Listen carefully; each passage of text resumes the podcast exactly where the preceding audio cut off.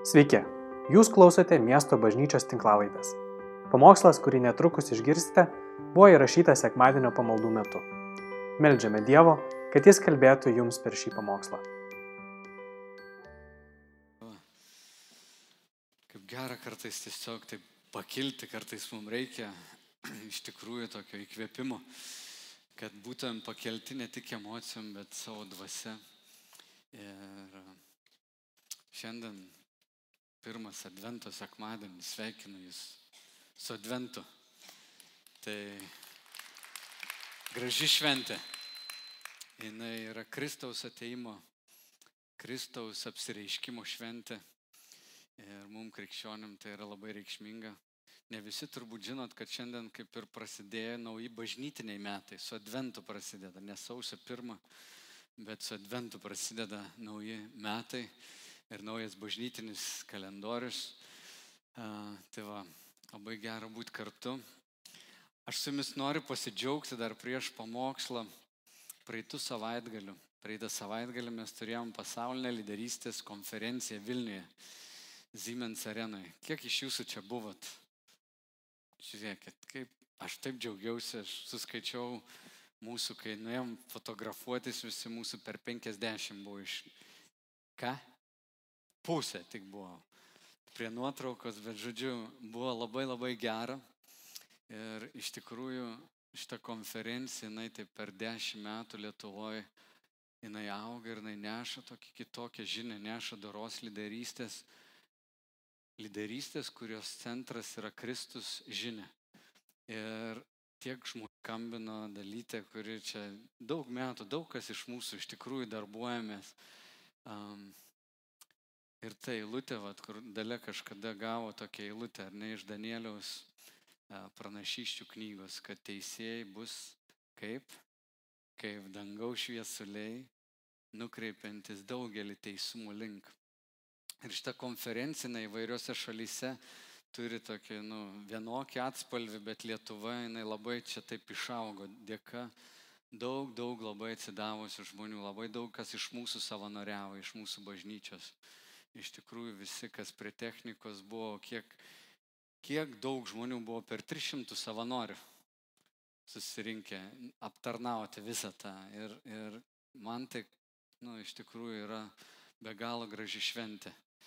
Ir jeigu kažkada buvo tokia, kad mes patys geriam, geriam tą žinią kažkaip ir labai maitiname, šiandien, man atrodo, mes labai daug ir atiduodam savęs ir tokią matom kaip misiją kai išgirsti žmonės, kurie ateina pirmą kartą ir jie pamato, kad bažnyčios organizuoja tokį renginį ir jis yra ir toks pilnas tokio, tokio pozityvo, tokio gerumo, Dievo dvasios, kuri paveikia žmonės ir žmonės ateina ją mokytis apie lyderystę, kiti visiškai nereligingi, aš nežinau, kiek žmonių buvo tokių, kurie net nepraktikuoja tikėjimo, Bet jie ateina, jie susiduria ir jie paragauja tai, kas mums jau patapo natūralu.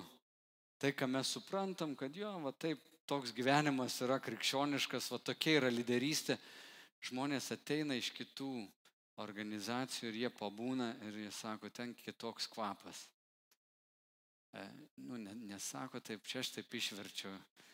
Ir aš savanoriams kalbėdamas gal net nelabai gražiai taip pailustrau, bet man, jie pabūna kažkokioj kitoje terpėje, atmosferoje ir paskui, kai jie grįžta į darbą, jie sako, kad čia kažkas nebe taip. Tai, ką aš mačiau, tai, ką aš girdėjau, mano darbovietė yra visai kitaip. Tai didelis ačiū visiems, kurie prisidėjot, kurie buvot. Ir mes tik išgirsim dar po laiko, kaip žmonių gyvenimai paskui keičiasi. Ir kartai žmonės išgirsta ir apie bažnyčią, jie susidomi, pradeda žiūrėti tikėjimą kitaip, ateina ir mes kaip bažnyčia esam pašaukti būti šviesa ir e, druska pasaulyje. Bažnyčia turėtų būti matoma, jinai turėtų būti turguje. Jėzus nebuvo pasislėpęs sinagogoje, jis buvo ant kalnų, jisai buvo turguje, jis buvo mieste. Ir krikščionis turėtų būti mokykloje, versle, turėtų būti pažyba, tu turėtum, kur tu benueini, ten, kur tu dirbi, žmonės turėtų apie tave mane sakyti. Jis fainas žmogus, va, su juo noriu dirbti. Taip, taip mes nešam žinę, ne tik skelbdami apie Jėzų Kristų kalbėdami, bet ir savo gyvenimu liudydami. Tiesa? Ar tik kituo? Kad esi ambasadorius ir mes esam šviesa ir mes esam druska. Tai buvo fantastinė šventė. Kitais metais siūlyčiau visiems sudalyvauti. Jei nepakėlė rankos, kitais metais būtinai sudalyvauk. Bus ir klaipėdai. Okay.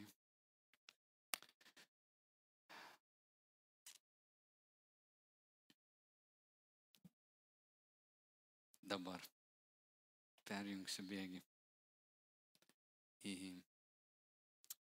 Kristus mūsų kalėdose.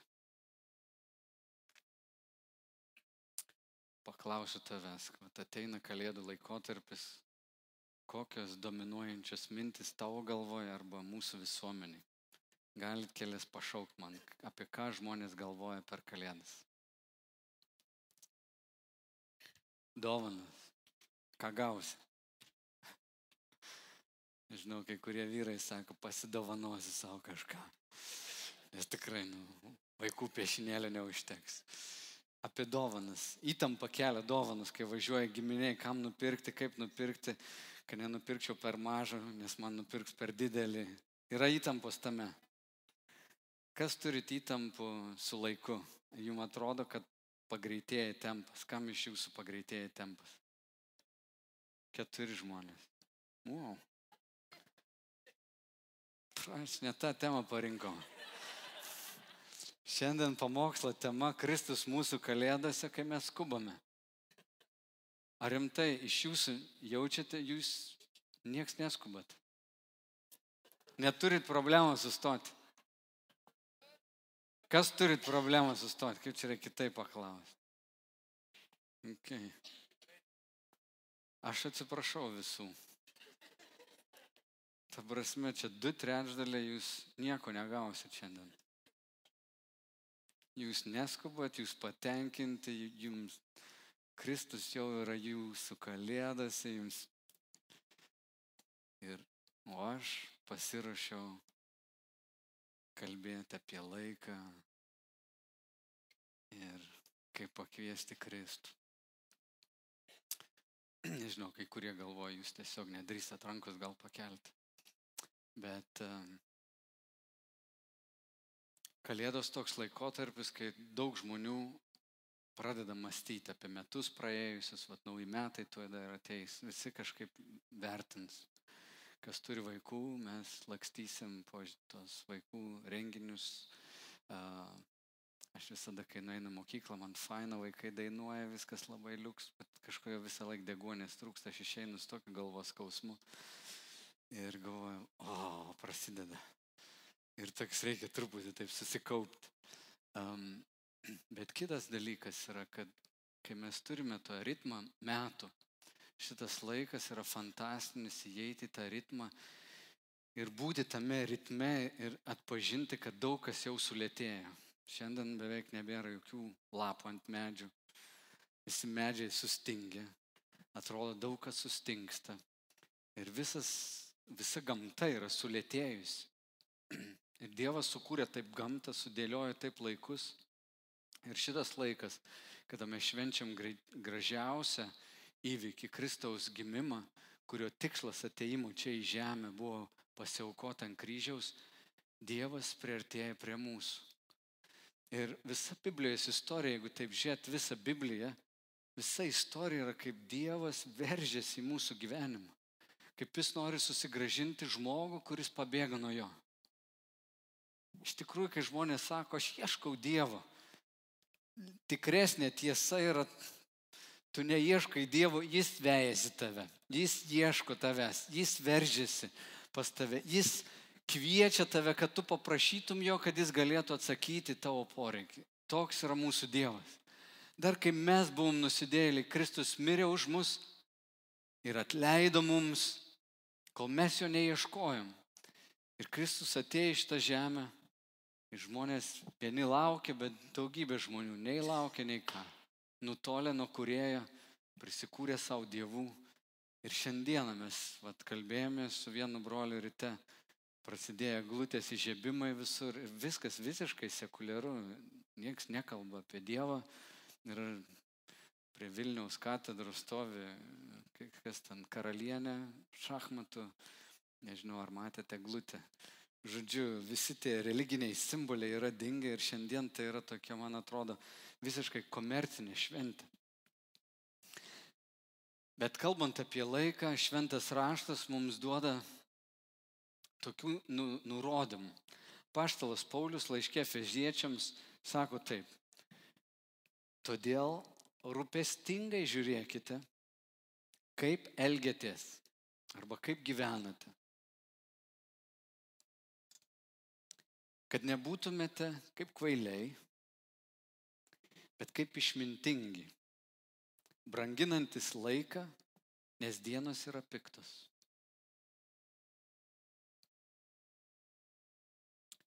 Nebūkit neišmintingi, nebūkit kaip kvailiai. Ir aš manau, kad kvailys yra tas, kuris nesusimasto apie laiką. Jisai eina pasroviui. Išmintingas žmogus apmąsto, ką jis veikia, kur jis eina, ką jis daro, kodėl jis daro, ką jis daro. Ir protingas žmogus yra tas, kuris reflektuoja ir apgalvoja, kas yra jo gyvenimas. Nes laikas jisai bėga nenumaldomai, ar ne? Mes visi suprantam, šiandien yra gruodžio pirma, praeis 24 paros, bus 24 visi sės prie kučių stalo. Mes suprantam, kad šito laiko nesustabdysi, net jeigu tu įsispirsi ir sakai, stok, jisai ramiai labai pro tave praeis. Ir iš tiesų, graikų kalboje labai įdomu, kad ir šitoje eilutėje, kaip Paulius sako, branginantis laiką arba atperkantis laiką arba teisingai išnaudojantis laiką, čia yra panaudotas žodis laikas graikų kalboje kairos. Ar girdėtas jums toks žodis? Mes turim laiką ir sakom laikas. Laikas yra laikas, bet graikų kalboje yra chronos, turim žodį chronometras iš to kilusi, yra kairos. Chronos laikas yra matuojamas sekundėmis, minutėmis, valandomis, paromis, metais, dešimtmečiais. Ir jis teka. Ir žinoma yra toks susijęs su vat, mūsų buvimu, su mūsų esama mase, konkrečioj vienoj vietoj. Ką Einšteinas pasakė, jeigu žmogus judėtų labai labai dideliu greičiu, tai pas jį laikas eitų kitaip. Nu, išskristum labai dideliu greičiu, greičiau nei šviesos greitis. 300 tūkstančių kilometrų per sekundę, man atrodo, yra šviesos greitis. Jeigu tu taip greitai skristum, paskraidytum parą, grįžtum čia, čia būtų daug daugiau laiko praėję.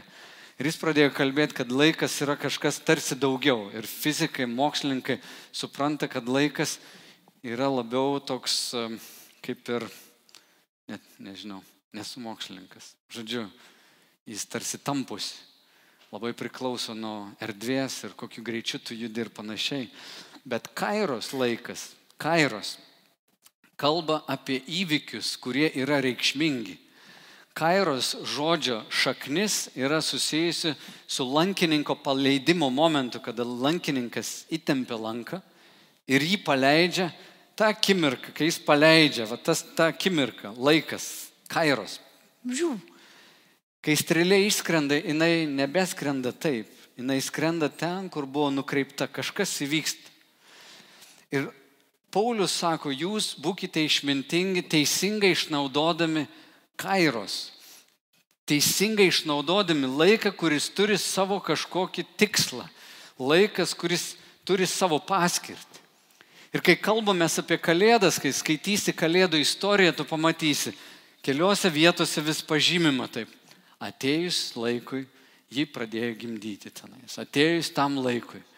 Ir žydai laukia, 400 metų laukia Mesijo tyrinėtojai rašto skaičiavo, kada turi gimti mesijas, jie apskaičiavo, kada bus tas laikas. Išminčiai stebėjo ir sekė, kada bus tas laikas.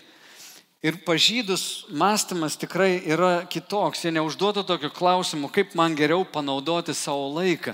Jie užduotų labiau tokį klausimą, kaip man geriau panaudoti savo gyvenimą dabar. Arba kam aš naudoju savo gyvenimą dabar. Taigi minutės svarbu, jos, jos bėga, bet atpažinti laiką, kuriame mes esame. Atpažinti tą laikmetį ir kas vyksta ir ką Dievas daro laikė. Ir yra, nu, mūsų turėtų būti susidomėjimas, kad mes savo gyvenime labiau stebėtumėm, ką Dievas veikia ir kas vyksta mumise, kai susijęs su tuo laiku, kuriame yra Dievas. Arba galėtum sakyti, Dievas yra už laiko ribų, to chronos ribų. Bet jis tikrai turi numatęs laikus, jis yra numatęs įvykius, yra numatyti darbai, kuriuos jisai yra paskyręs dar prieš pasaulio sukūrimą. Šiandien mums protė sunku gal tai suvokti, mes labai taip lininiu tokiu progresyviu būdu mastom apie laiką.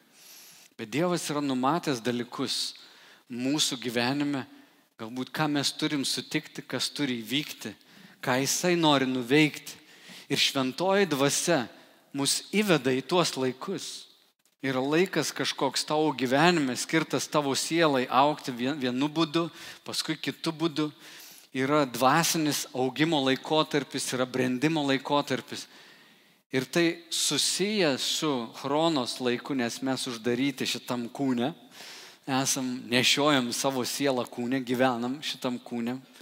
Kas iš tikrųjų mes esam, nėra mūsų kūnas, bet mes esam dabar kaip ir laikinai čia uždaryti. Bet Paulius sako, būkite išmintingi, žodžiu, apmastykit, kad nebūtumėt kvaili. Kai Jėzus atėjo tarnauti, kai prasidėjo jo tarnystė, Jis kalbėjo apie laikus. Ir nemažai kalbėjo apie laikus, apie paskutiniuosius laikus, kas įvyks. Jisai paaiškino, kokie, koks laikas yra, kai Jonas pasirodė, ką reiškia Jono pasirodymas. Ir jisai mokiniams papasakojo, kas tai yra. Jis davė jiems suprasti ir sako, kas turi ausis, tas te klauso kad suprastumėm irgi laikų prasme, Vat kas, kas yra. Mes esam bendram kažkokiam laikė, kur žmonijos istorija juda, mes turim pamatyti ženklus ir stebėti, kas vyksta. Bet lygiai taip pat Dievas duoda ženklus ir tavo, mano gyvenime atpažinti laiką. Bet tam, kad mes atpažintume, kad pradėtumėm pastebėti labiau savo vidinį gyvenimą, mes turim sulėtėti turim sulėtėti ir negalim būti labai dideliam skubėjime. O skubėjimas, aš galvoju, jis tikrai yra stipriai labai programuojamas mūsų naujų įpročių, su mūsų technologijom kišenėse, su galimybė labai greitai viską įsigyti, turėti, praktiškai tu gali pagalvoti, norėčiau to ir gali per penkias minutės nusipirkti kažką. Įsivaizduoju, prieš 20 metų taip nebuvo įmanoma.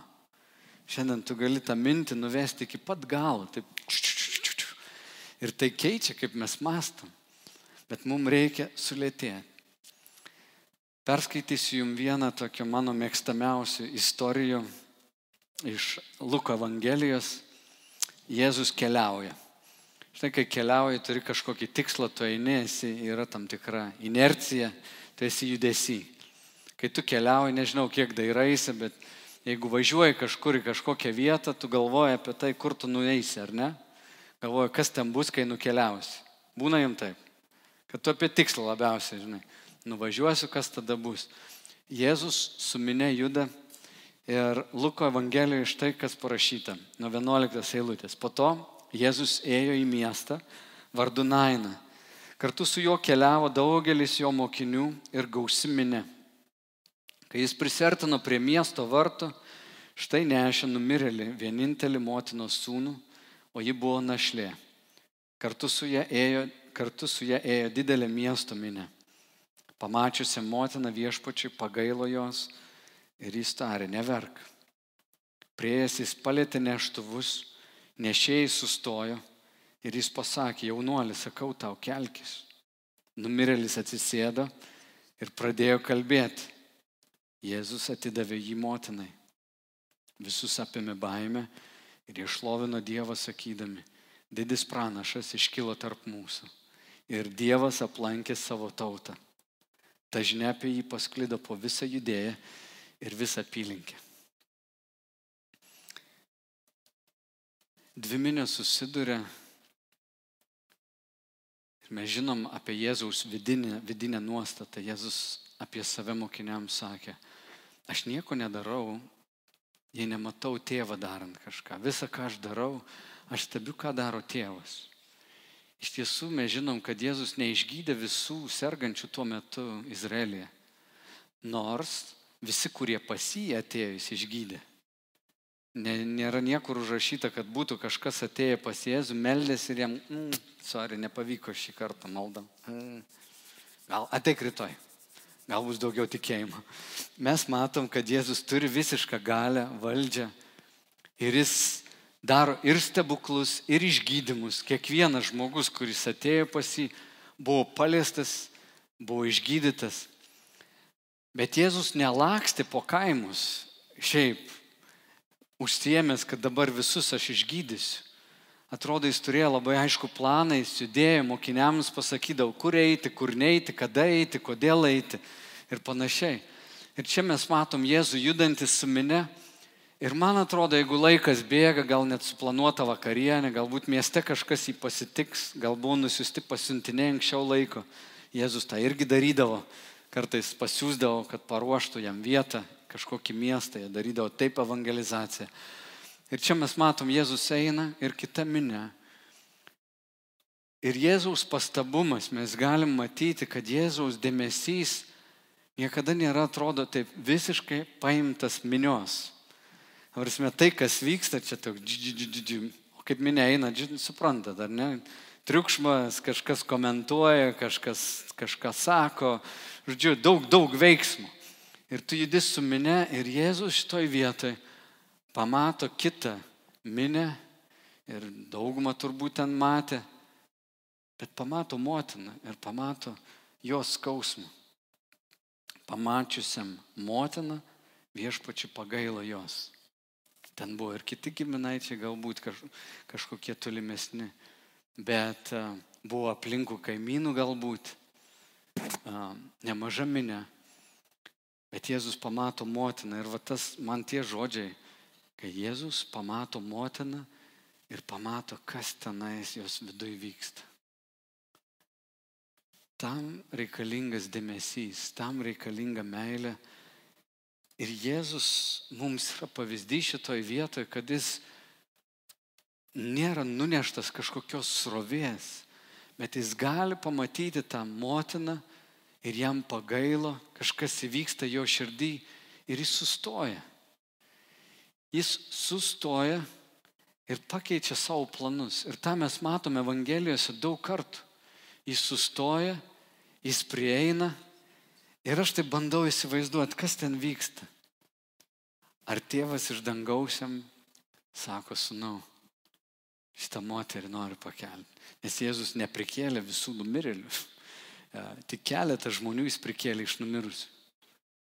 Mergaitę prikėlė, lozorių prikėlė, o šitą jaunuolį. Bet toks jausmas, kad net ne dėl jaunuolio, bet dėl mamos. Ir Dievas įsikiša, atrodo, į tą situaciją, kuri jau užbaigta, situacija baigta. Jie neša palaidot, viskas, viskas baigta. Ir čia Dievas įsikiša į tą mūsų laiką, į šitą erdvę, nes yra kitas momentas, jis nori prikelti. Tai, kad tu galvoji, jau palaidota yra, tu galvoji, jau viskas, nebėra vilčių, mamai vienintelis sunus, mano pensija, mano garantijos socialinės, mano ateitis kaip aš toliau gyvensiu, visa ta įtampa, jinai su tuo eina, jinai rauda savo sunaus. Ir Dievas ateina ir perkeičia, prikelia. Ir Dievui nesunku prikelti tai, kas yra numirę. Jis, Jėzus pastebi tai ir ačiū Dievui, kad jis nevykdo savo valios, bet jis tėvė tiesie tau valia. Ir jis sustoja. Ir čia įvyksta stebuklas. Nežinau, būtum mes pamatęs, išbėgtumėm tikrai visą klaipėdą apibėgtumėm. Nu visi taip ir padarė, visi nubėgo, ar girdėjai, mes nešim numirėlį, jis prisikėlė. Lavonas tapo vėl gyvas. Man turbūt gražiausia Evangelija, viena gražiausių eilučių yra, kad Jėzus atidavė jį motinai. Aš galvoju, nu čia tai dovana. Nu, čia tai dovana. Čia tai dovana toks. Ir Dievas yra tame kūrime, tame atgaivinime. Jis yra tame prikelimo darbe. Jėzus, jo karalystė yra čia tarp mūsų ir jis nori prisiliesti prie žmonių. Šiandien mes esame jo ambasadoriai. Ir aš galvoju, tu galvoji dabar apie kalėdas, kas būtų, jeigu mes visi pagalvotumėm, Jėzau, o kiek žmonių tu norėtum per mane paliesti per šias kalėdas. Vat per, per šitą mėnesį, per adventą, kiek žmonių galėčiau aš būti tavo naudojamas, kad už kažką pasimelsti. Šį rytą išgirdom mes vyresnėje meldėmės, išgirdom istoriją, kaip vienas iš mūsų vyresniųjų pasimeldė už jaunuolį ir jo gyvenime kažkas įvyko. Tiesiog malda dėl išgydymo, bet įvyko kažkas daugiau nei išgydymas. O mane tai labai padrasina, kad tu gali sustoti ir pasimelsti. O tų nelaimių, tokių momentų visokių yra tikrai daug. Šiandien per kelias savaitės sužinau, du artimi žmonės man nu, gavo diagnozę, kad serga vėžių. Ir tai kažkaip taip puh, tokį, tokį, tokį liūdėsi atneša. Ir tada su vienu šnekuosi, melžiamės, neaišku, kaip čia bus, kalbam apie amžinybę, kalbam apie tą laiką, toks susimastymo laikas. Kūnas šitas laikinas, visi iš čia išeisim, bet Dieve nori tave atpažinti. O koks čia dabar laikas? Kaip yra žmogaus, kuris gavo tokią diagnozę, kairos. Ką reiškia jam? Kas čia per kairos? Ir Jėzus mus, mums yra puikus pavyzdys, kad kaip krikščionis gyvenantis dvasia arba būdami vedami dvasios, mes turime išmokti sustoti, turim sulėtėti. Ir aš manau, kad mūsų kūnai šiandien mes skubam labai. Jėzus sustodavo rytai, žiūrėkit, Morkaus Evangelijos pirmas skyrius, sako, vakare saulė nusileidus, anksti rytą, gerokai prieš aušą, Jėzus atsikėlęs nuėjo nuo šalę vietą ir ten meldėsi. Ką tik, wow, įvyko fantastinis renginys, viskas gerai, išgydymai, jūs įsivaizduojate emocijas, kokie žmonės pakilėti, žinai, kaip ne tai, kad operacija gerai pavyko, bet be operacijos aš pasveikau. Ir aš galvoju, kad ten buvo žmonių, kurie daug šoko. Ir galbūt iki vėlyvo vakaro visi tenais balevoja. Anksti rytą Jėzus nueina vėl sustoti. Ir jis būna maldoje. Tu negalėsi aukti Ir tu praleisi labai daug turbūt kairos tų akimirkų, jeigu neišmoksi sustoti ir savo gyvenime nesudėsi stotelę. Žodžiu, manau, kad tai yra kova, dėl kurios reiktų pakovoti. Ta prasme, tai yra tai, ką reiktų savo gyvenime puoselėti, kad nebūtum toks lekintis be galvos, kaip viščiukas, žinai, su nukirsta galva. Toks... Ir bėgi, bėgi ir praleidi momentus. Kairos tavo, žinai, eina, tas chronas, atsiprašau, juda, tu dienas skaičiuoji, bet tos momentus, kuriuos Dievas yra numatęs, praleidi. Džonas Ortbergas, toks žinomas pastorius Amerikoje, yra pasakęs, kad skubėjimas yra per didelis lėkimas ir netidėlioto būtinumo būsena. Negali, ir kažkas būtina, kažką turi daryti. Tokia pašėlusių pastangų būsena yra nepakankamumo, baimės ir kalties pasiekmė. Sako, kad žmogaus skubėjimas yra susijęs su jo nepakankamumo jausmu. Aš turiu kažką nuveikti daugiau, negu dabar padarau.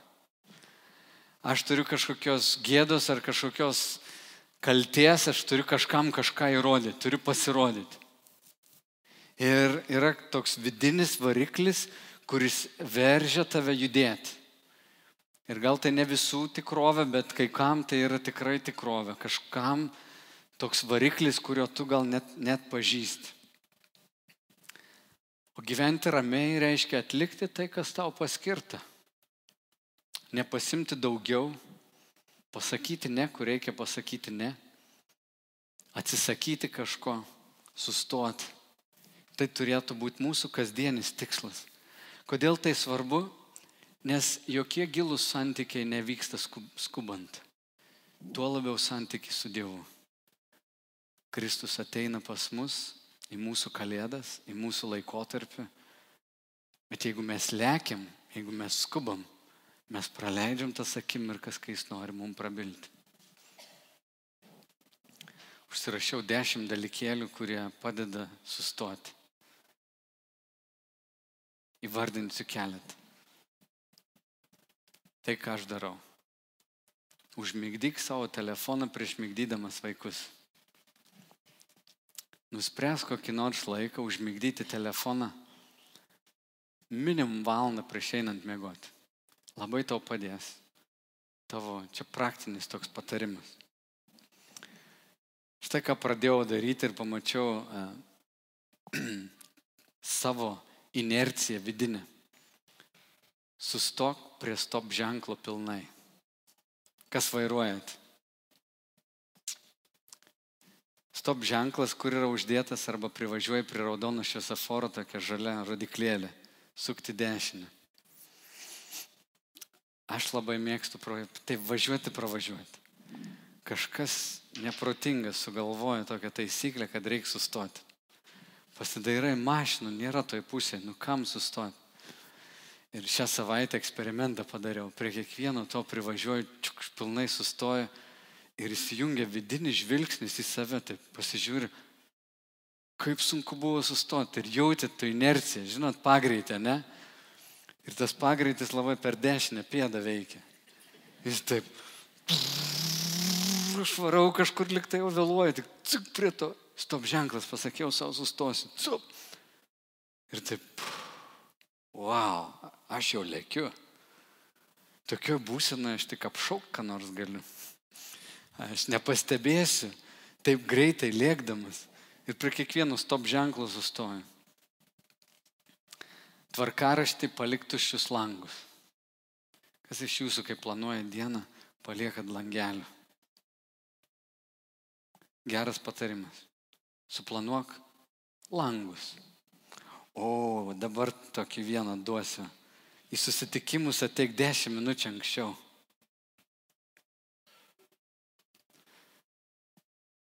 Nebus ką veikti. Ir tada tu sustosi ir neišsitrauk telefoną. Žiūrėkit, dar kitą. Pabandžiau irgi, žiūri, gerai veikia. Kai ateisi į parduotuvę, atsistok į ilgiausią eilę. Pasiaukok dėl kitų. Atsistok ilgiausią eilę ir apsidairyk aplinkui, kas vyksta. Truputį ilgiau sugaišė, Bet pastebėk savo tą vidinę tokią inerciją. Pažiūrėk, kas vyksta tavyje. Atpažink, kas vyksta apskritai tavo kūne ir užduok tokį va savo klausimą. Viešpatė, o kur tu esi mano čia kasdienybėje? Na, kiti dalykai galvoja, socialinė medija galime irgi nuspręsti, kiek tu ją ribosi, kiek tu nori būti telefonė, bet čia sudėtingas dalykas. Riboti televiziją Ar tavo namuose telikas visą laiką varo ir varo? Žinau, kokią citatą radau, e, kai kurie iš jūsų gal nežinot, kad yra toks Netflix kanalas, nu, galiu užsisakyti tokią paslaugą, jis ir į Lietuvą atėjęs yra. Bet Netflix vadovas, žinot, ką pasakė? Amerikoje konkuruoja Netflixas, turi savo šou, kuria. Žodžiu, žmogus gali bet kada, bet kokį šou įsijungti, žiūrėti, filmų žiūrėti. Ir yra Amazon Prime, Amazonės toks kanalas, konkurentas jų. Ir tas, kai jo paklausė, sako, kaip, kaip, jūs, kaip jūs žiūrit, sako, kas jūsų didžiausias konkurentas, kaip jūs planuojat kovoti su Amazon Prime. Tai Netflix vadovas sako, mūsų didžiausias konkurentas ne Amazon Prime, bet miegas. Jeigu žmonės nemiegotų, tai mūsų verslui dar geriau būtų. Tavrasme, jie būtų įkritę į teliką, mes tiek visko duodam, Žodžiu, problema didžiausia mums yra, kad nu, žmonės eina mėgoti. čia kaip žinai, žmogus, nu, be ribų. Ir didžiausia problema, jis tiesiog eina mėgoti. Dar vienas dalykas. Nedaryk kelių dalykų vienu metu. Aš pamenu, prieš metus ar du perskaičiau keletą straipsnių apie tą multitaskingą, ne, toks yra angliškas posakis, kai žmogus bando daug ką daryti. Ir mes turėjom labai gerą pranešimą Kestučio Skaumino pasaulinės lyderystės konferencijoje. Um, jis kalbėjo apie dėmesį, jis yra neurochirurgas iš Kauno. Jis kalbėjo, kad dėmesys, jis niekada tu ne, ne, negali jo uh, iš tikrųjų padalinti kažkaip efektyviai. Tu negali daryti dviejų dalykų vienodai kai mes būna pokalbis, aš sakau, tu manęs negirdėjai, žmogus paima ir pakartoja paskutinį sakinį. Žinai, apie ką kalba, ne? Jis pakartoja paskutinį sakinį, aš sakau, tu, tu, taip, tu pakartoji tavo smegenis, fantastinis. Mes visi galim tą paskutinį sakinį pakartoti, bet ko žmogus negali padaryti. Girdėdamas tuos dalykus, klausydamas tų dalykų, iš tikrųjų apmastyti ir suvirškinti, kas tai yra pagauti, kodėl tai yra sakoma, išanalizuoti, kas vyksta to pokalbio metu. Ir jeigu žmogus tam kalbasi, bet jis e, yra įkritęs į telefoną, tu žinok, jis negirdi tavęs. Jis išgirsta žodžius, bet tu su jo ryšio neturi. Neapsigauk. Ir kai tu taip elgiesi, tai didžiausia nepagarba kitam. Nes tu negali to daryti toks kaip multitaskingas, toks kelių darbų darimas vienu metu tiesiog neegzistuoja, jis nėra efektyvus. Ir tai šiandien mes turim tiek daug galimybių tai daryti. Aš sakau, telefonas su internetu pakeitė mūsų tikrovę. Mes turim visą pasaulį vienoje kišenėje. Čia yra ir kino teatras, ir parduotuvė, ir žodžiu viskas. Atrodo, yra čia. Ir mes pripratę, aš anksčiau galvojau, čia jaunų žmonių problema, bet naik į polikliniką. sėdi žmonės, seniorai ir lygiai taip pat važiuoja. Ta prasme, tas pirštas jau irgi turi savo atskirą gyvenimą ir valią. Ne visi, ne visi, bet, žodžiu, tai mūsų visus veikia. O dėmesys tame pranešime Kestutis Kauminas sakė, kad jis yra, kur visa kūryba žmogaus pasireiškia, kai žmogus gali sutelkti dėmesį į, į, į kažkokį vieną dalyką. Ir realiai tu gali stebėti save. E, jeigu tu sutelksi dėmesį, pavyzdžiui, išorė, tu dabar dairaisi, kas yra čia, tu nematai, kas vyksta tavo viduje. Bet jeigu dabar tau pasakyčiau, pažiūrėk, kaip jauties viduje. Kokia yra tavo dominuojanti emocija šiuo metu? Kažkas išsigando savęs. E, vat pakilk į viršų, dešimt metrų mes turim Dievo duotą dovaną į save pažvelgti iš šono. Kas vyksta tavo viduj? Pajus savo kūną. Jauti įtampą kur nors. Kakle kur nors. Čia. Kai tu dabar žiūrėjai į savo vidų, tau buvo sunku žiūrėti aplinkui čia, klausytis manęs. Mums neišeina labai daug dalykų daryti, arba tu girdi mane ir kažkaip vertini, klausais ir perkeli tuos žodžius į savo vidų, arba tu būni viduje irgi nukreipi dėmesį į save ir žvelgi, kas vyksta viduje.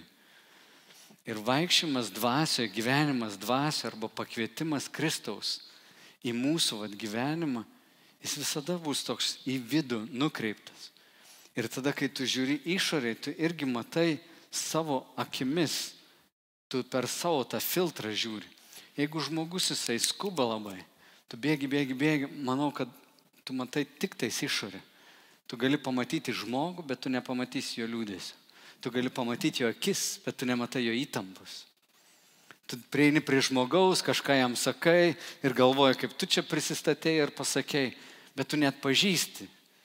Žinai, kame yra žmogus.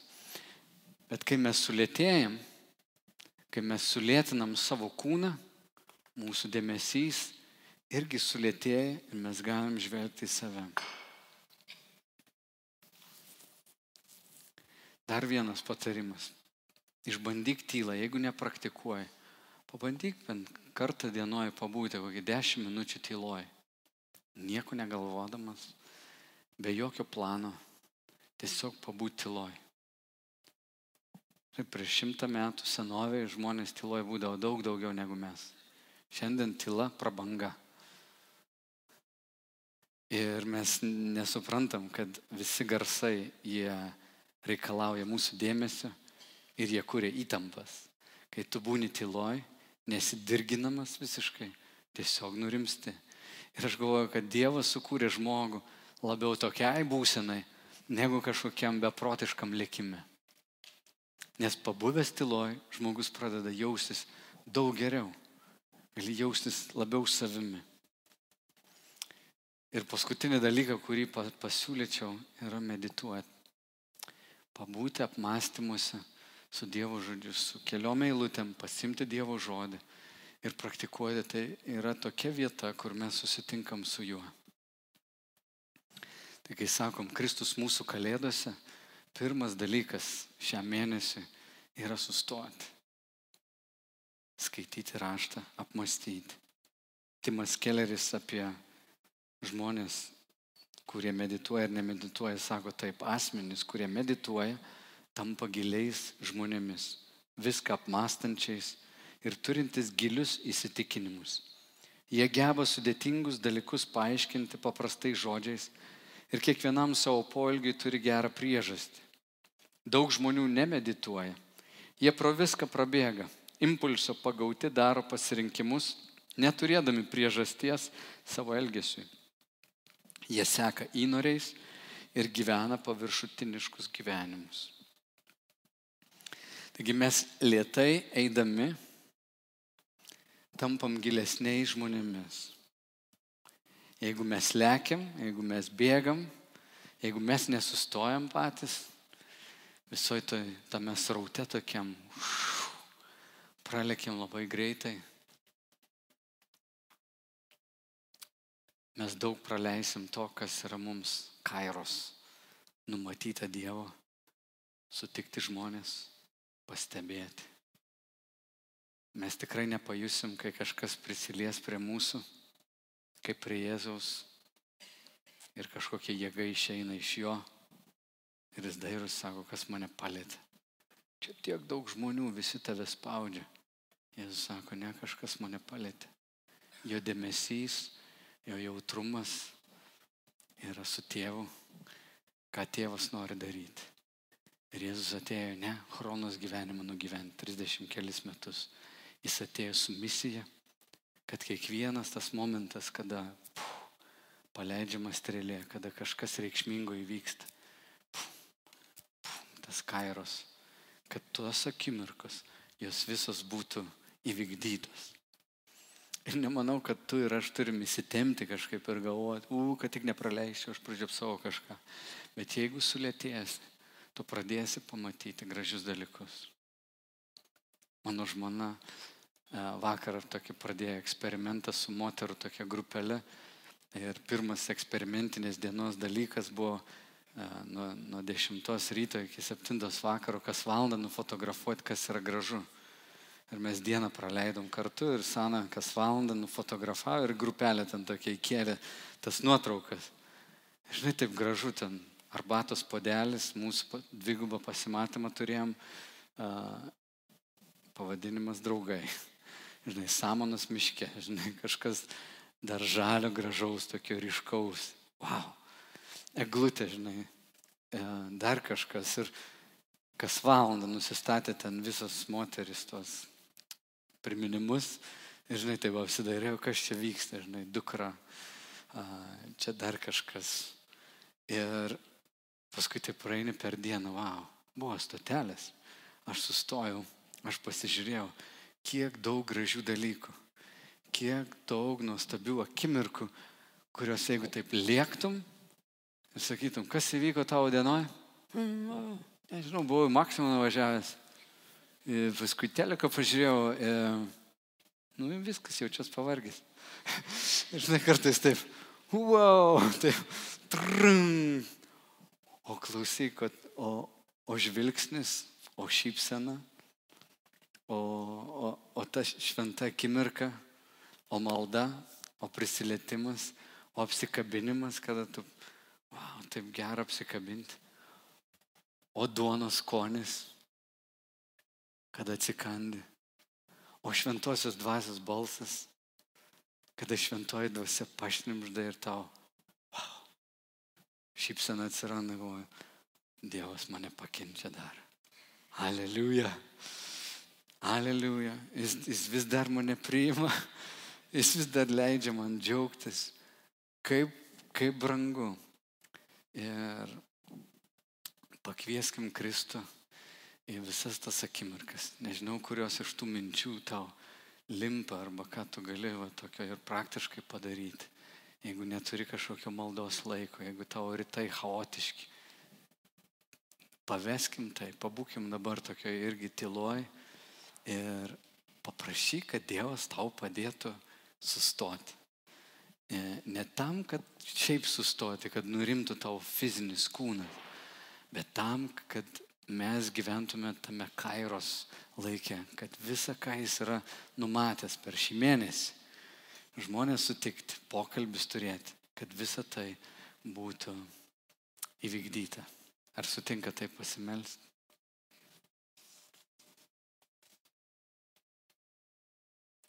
Atneškim save jam. Tėve, tu mus matai.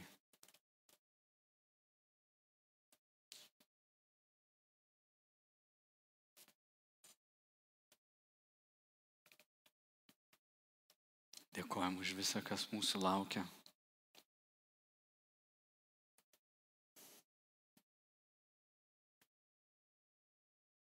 Tėve, leisk nurimti mums, pamokyk mus ilsėtis, sustoti.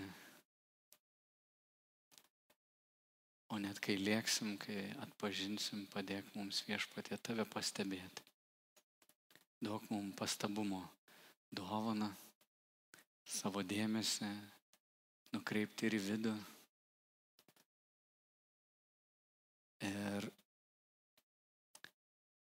Tėve šį mėnesį visus savo darbus, savo artimuosius, visus pokalbius į tavo rankas pavedam. Ir prašom tavo malonės viešpatė, kad tikrai neįsitemtum ir kažką bandydami padaryti, arba įsitemdami, kad kažko negirdim, bet leis tau mums kalbėti ir prašom šventoji dvasia, sulėtink mus, kad galėtum nuveikti per mūsų savo darbus. Viešpatė palies kitus per mūsų maldas, prisilietimus. Kristau, ką nori pakviesti į savo šeimą. Ačiū, kad klausėte. Daugiau informacijos apie miesto bažnyčią rasite internete www.m-b.lt arba Facebook, Instagram bei YouTube paskiruose.